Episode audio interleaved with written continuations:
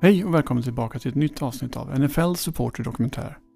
Podden där vi gräver i NFLs historieböcker efter roliga historier som är värda att lyfta fram en gång till. Innan vi drar igång så skulle jag vilja lyfta fram det här med att bli Patreon till NFL Supporter. I brist på bättre översättning skulle man kunna kalla det för att bli sponsor till vår lilla verksamhet. Registreringen görs på sidan patreon.com där man letar upp NFL Supporters sida. Så vad får man då om man sponsrar oss? Ja, det finns ju olika nivåer där, vilket ger lite olika fördelar.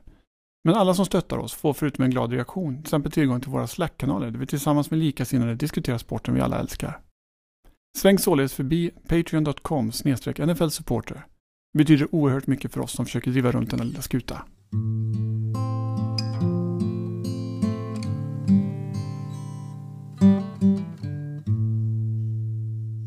Dagens avsnitt är för en gångs skull aningen aktuellt. Det är dock inte med flit utan tyvärr har ödet försatt oss i denna situation då dagens huvudrollsinnehavare, Paul Salata, lämnade oss den 16 oktober i år. En dag innan sin 95 födelsedag. Dagens avsnitt kommer således handla om NFLs årliga draft. Ett spektakel som ofta hålls i slutet av april varje år och där klubbarna turas om att välja bland de unga rekryterna som vill in i ligan. I år valde Clemsons Trevor Lawrence först utav Jacksonville Jaguars och stal in med det mycket av draftens strålkastarljus från sina kollegor. Men det är inte Trevor Lawrence vi ska fokusera på. Nej, vi på NFL Supporter Dokumentär, vi värnar ju som ni säkert vet om de som hamnar lite utanför rampljuset. Individerna som på något sätt är värda lite mer utav det nyss nämnda rampljuset. Visst är det stort att bli vald först i draften, men samtidigt är det faktiskt stort att bli vald utav ett lag överhuvudtaget. Precis den här tanken bar Paul Salata på i mitten av 1970-talet. Som medioker före detta NFL-spelare tyckte han att man borde hylla medelmåttan mer. Och inte bara stjärnorna. Ja, Paul Salata gick till och med så långt att han föreslog detta för självaste NFL. Och då nöjde han sig inte bara med att sträcka sig till de medelmåttiga spelarna. Nej, Paul Salata tyckte man borde hylla till och med de irrelevanta spelarna.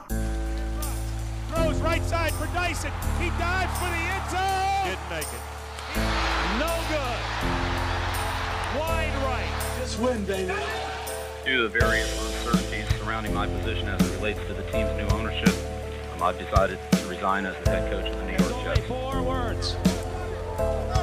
This one's for John.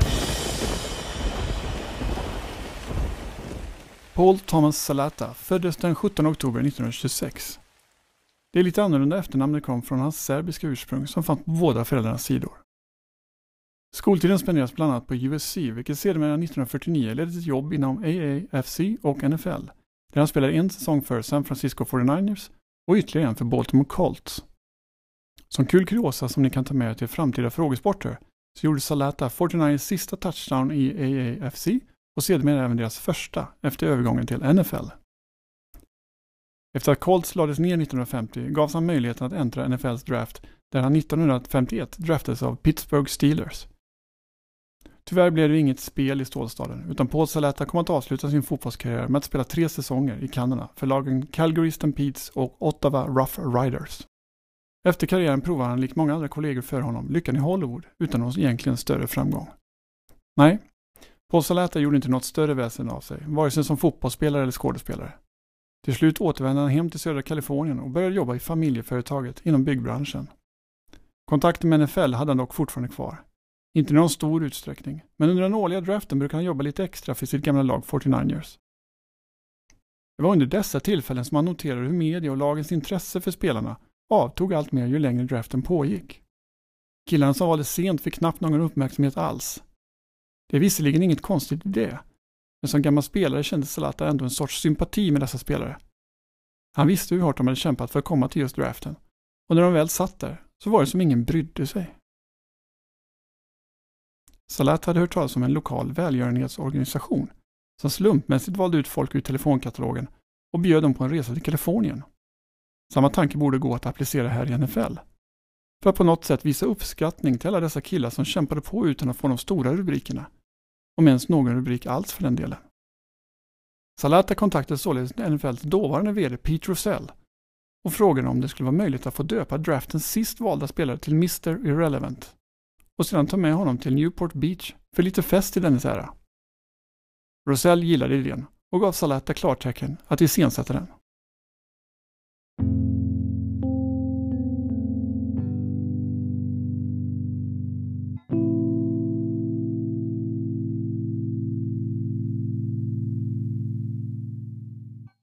1976 var det då dags att utse den första Mr Irrelevant. Som regerande mästare var det Pittsburgh Steelers som hade den stora äran att välja sist detta år. Valet föll på Kelvin Kirk. En 178 cm kort VR från Dayton. När Salata ringde upp honom för att berätta den glada nyheten lade Kelvin Kirk på luren tämligen omgående. Helt övertygad om att någon drev med honom. Som tur var hade Salata själv vissa kontakter i Steelers eftersom de draftade honom en gång i tiden. Salata ringde således upp högsta hönset, självaste Art Rooney, och frågade om inte han kunde berätta för Calvin Kirk att det faktiskt inte rörde sig om ett skämt, utan att Salata faktiskt hade för avsikt att hylla honom. Sagt och gjort. Rooney ringde och förklarade läget och Kirk accepterade till slut utmärkelsen och blev således den första som fick styra sin kosa mot Newport Beach efter draften.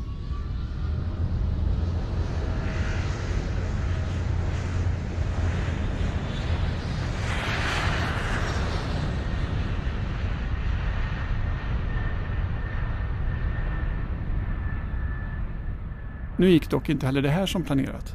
Kirk missade flyget till Kalifornien och missade således hela den kortege som hölls i hans ära.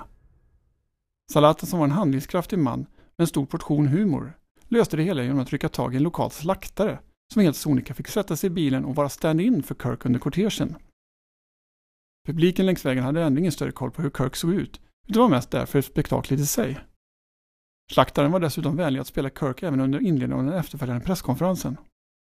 Efter ett antal minuter dök dock Kirk upp och kunde kliva upp och entlediga den snälle slaktaren.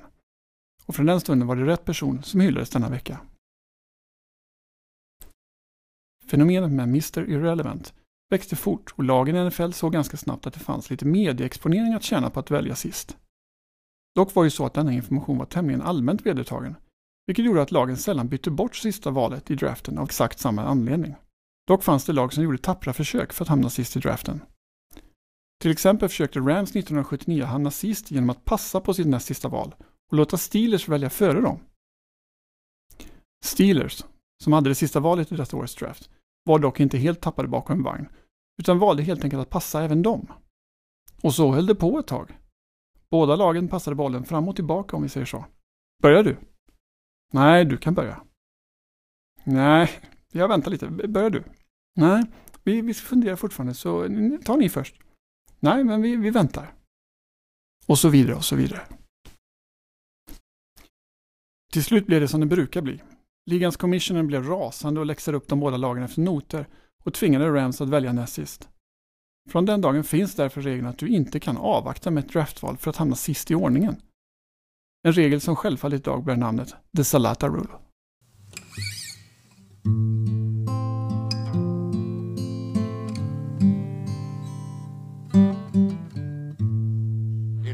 Final pick of the 2021 NFL Draft.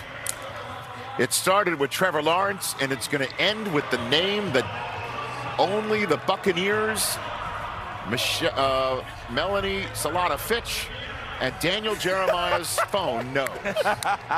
Such the a rest flex, of the world Daniel. will now be clued in. Thank you, Scott. Thank you, Cleveland and the National Football League. You really do rock. We've been having fun here. And now, what you've all been waiting for the announcement of Mr. Irrelevant 46. All right? okay, ready, Jetto, with the final pick of the National Football League 2021 draft, the 259th pick by the Tampa Bay Buc- Buccaneers. They select Grant Stewart, a linebacker from Houston. Grant, congratulations on being Mr. Irrelevant. Oh yeah, he'll be good to celebrate. Det där var alltså ett ljudklipp från årets draft där Melanie Salata Fitch, Paul Salatas dotter, läste upp valet av årets Mr Irrelevant. Valet, som var Temple Base, föll på Grant Stewart, en linebacker från University of Houston. Än så länge är det lite för tidigt att säga någonting om hans karriär, men hittills har det blivit ganska sparsamt med speltid för honom. Men förblir alla Mr Irrelevant just irrelevanta? Finns det ingen som det blir människa av, om vi får säga så? Ja, en del blir det faktiskt människor av. Eller spelare kanske vi ska säga. Tittar vi på eran innan 1994 så var Tyrone McGriff den mest framgångsrika Mr Irrelevant. Han draftades av Steelers 1980 och lyckades ta sig in i det årets All Rookie Team En prestation som vi inte ska negligera. Sammantaget blev det ytterligare två säsonger med Steelers innan karriären tog honom till Michigan Panthers i UFSL. För er som vill veta mer om UFSL och mindre av Harry McGriff så kan vi rekommendera det avsnitt av NFL Supporter dokumentär som bär nummer tre. Hela 37 minuter om ligan som utmanade en storebror NFL på 80-talet. Men nu tillbaka till vår historia igen. Tittar vi vidare på Mr Irrelevant så kan vi även lyfta Jim Finn, en fullback från University of Pennsylvania som 1999 draftades av Bears. Efter lite omvägar via Colts hamnade han 2003 till slut i New York Giants, där han äntligen fick regelbunden speltid. När vi kommer till den för Giants berömda säsongen 2007 befann sig dock Finn på skadelistan och spelade inte en enda match. Däremot så blev han i och med detta den Mr Irrelevant som kom närmast en Super Bowl-seger, i och med att han åtminstone var med på festen efteråt. Men som sagt, nära skjuter ingen har det, som det så berömt heter. I år fick vi faktiskt se en Mr Irrelevant som faktiskt fick en ring och faktiskt var synnerligen delaktig i matchen. Där hans Buccaneers gick segrande ur bataljen. Ryan Suckup draftades som Mr Irrelevant of Chiefs 2009 och har även representerat Titans innan sin nuvarande arbetsgivare Tampa Bay. Således är han med sin ring den bästa Mr Irrelevant genom alla tider. Vi kanske även ska passa på att flika in några hedersomnämnden i denna lista innan vi går vidare. Om vi backar bandet till tiden innan Mr Irrelevant blev officiellt så kan vi till exempel nämna Jimmy Walker som 1967 blev vald sist. Troligtvis brydde han sig tämligen lite om detta eftersom han valdes först i det årets NBA-draft av Detroit Pistons. Totalt sett blev det sedan nio år i NBA innan han lade skorna på hyllan efter en relativt bra basketkarriär med bland annat två All-Star-matcher under bältet. Som kuriosa kan nämnas att Walker även förde sina gener vidare och var far till Jalen Rose som spelade i ligan mellan 1994 och 2007. Även han hade en bra karriär i lag som Denver, Indiana, Chicago, Toronto, New York Knicks och Phoenix Suns. Trots släktskapet hade Rose ingen kontakt med sin far förrän i nutid då de båda försökte reparera sin relation. Tyvärr dog Walker 2007 och de båda hann aldrig träffas utan hade bara hunnit pratas vid vid telefon.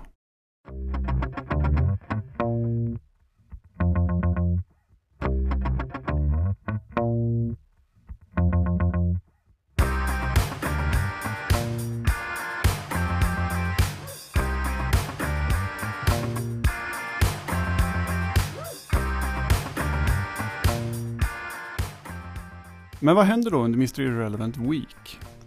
Vad får du om du blir utsedd till Mr Irrelevant? Ja, för det första får du en resa till Newport Beach. Organisationen kring Mr Irrelevant brukar dessutom vara gentil och låter dig ta med en kompis eller två. Under året har gästantalet varit lite flytande, men efter att BYUs tight Tefita Ufangawe, ja, Tefita bland vännerna, tog med sig 63 gäster till Mr Irrelevant Week 2001 så har ledningen stipulerat max en gäst. Melanie Salata Fisher, som idag tagit över ansvaret efter sin far, minns dock denna incident med glädje idag. Ja, det var lite som Tongas kungafamilj plötsligt dök upp. Jag fick jobba häcken av mig för att hitta hotellrum till alla. Men efter den incidenten fick vi helt enkelt begränsat allting till en gäst. Även om vi inte lyckas hålla det fullt ut så har vi i alla fall aldrig rört sig om 63 gäster någon mer gång.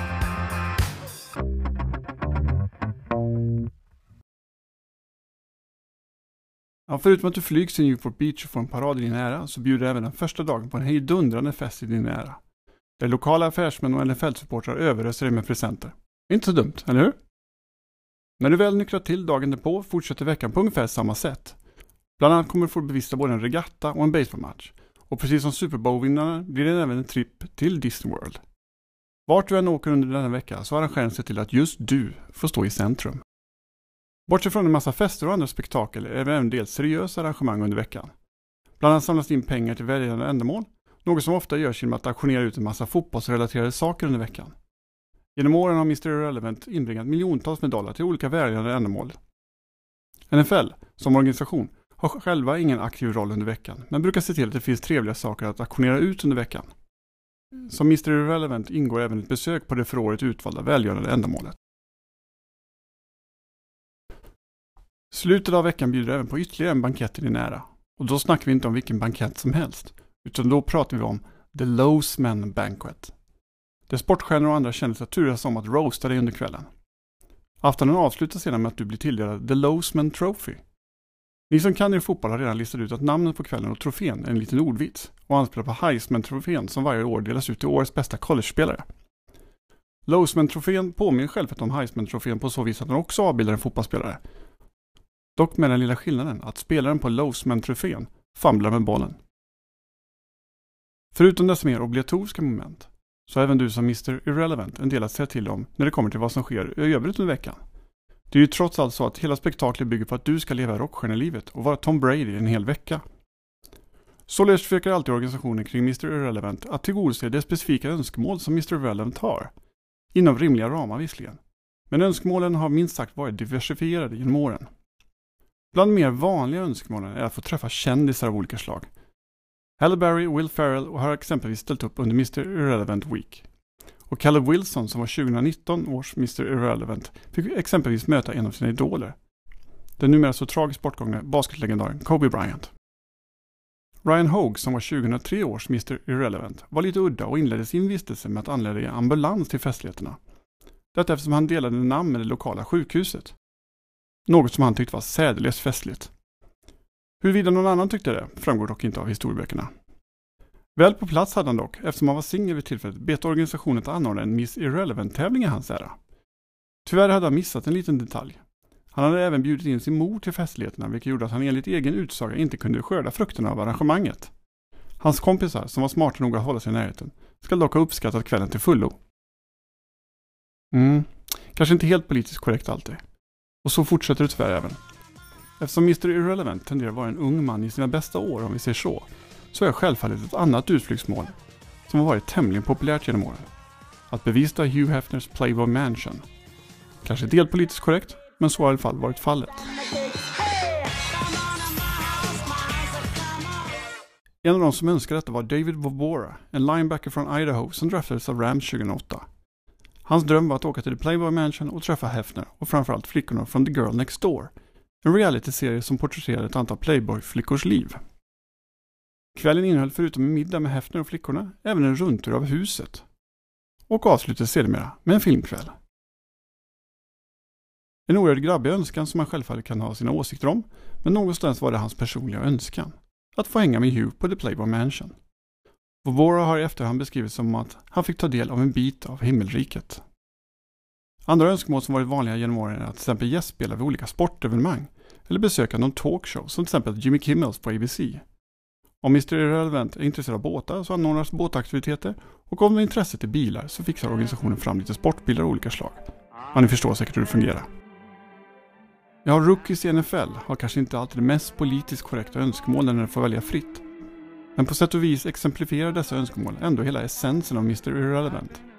För det handlar ju trots allt om att lyfta fram en spelare som annars hade fallit i glömska och låta han leva livet som en superstjärna, om så bara för några dagar. I'm in heaven And the cares that hung around me through the week Seem to vanish like a gambler's lucky streak When we're out together dancing cheek cheek Det där var alltså historien om Mr Irrelevant. Paul Salatas idé om att lyfta fram den som kommer sist i draften så att säga. Och göra den till rockstjärna för en vecka.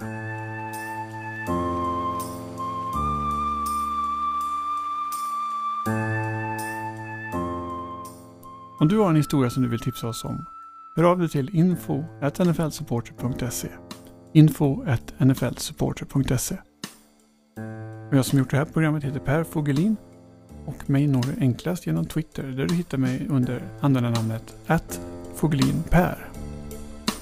Tills nästa gång vi hörs, ha det riktigt bra. Hej!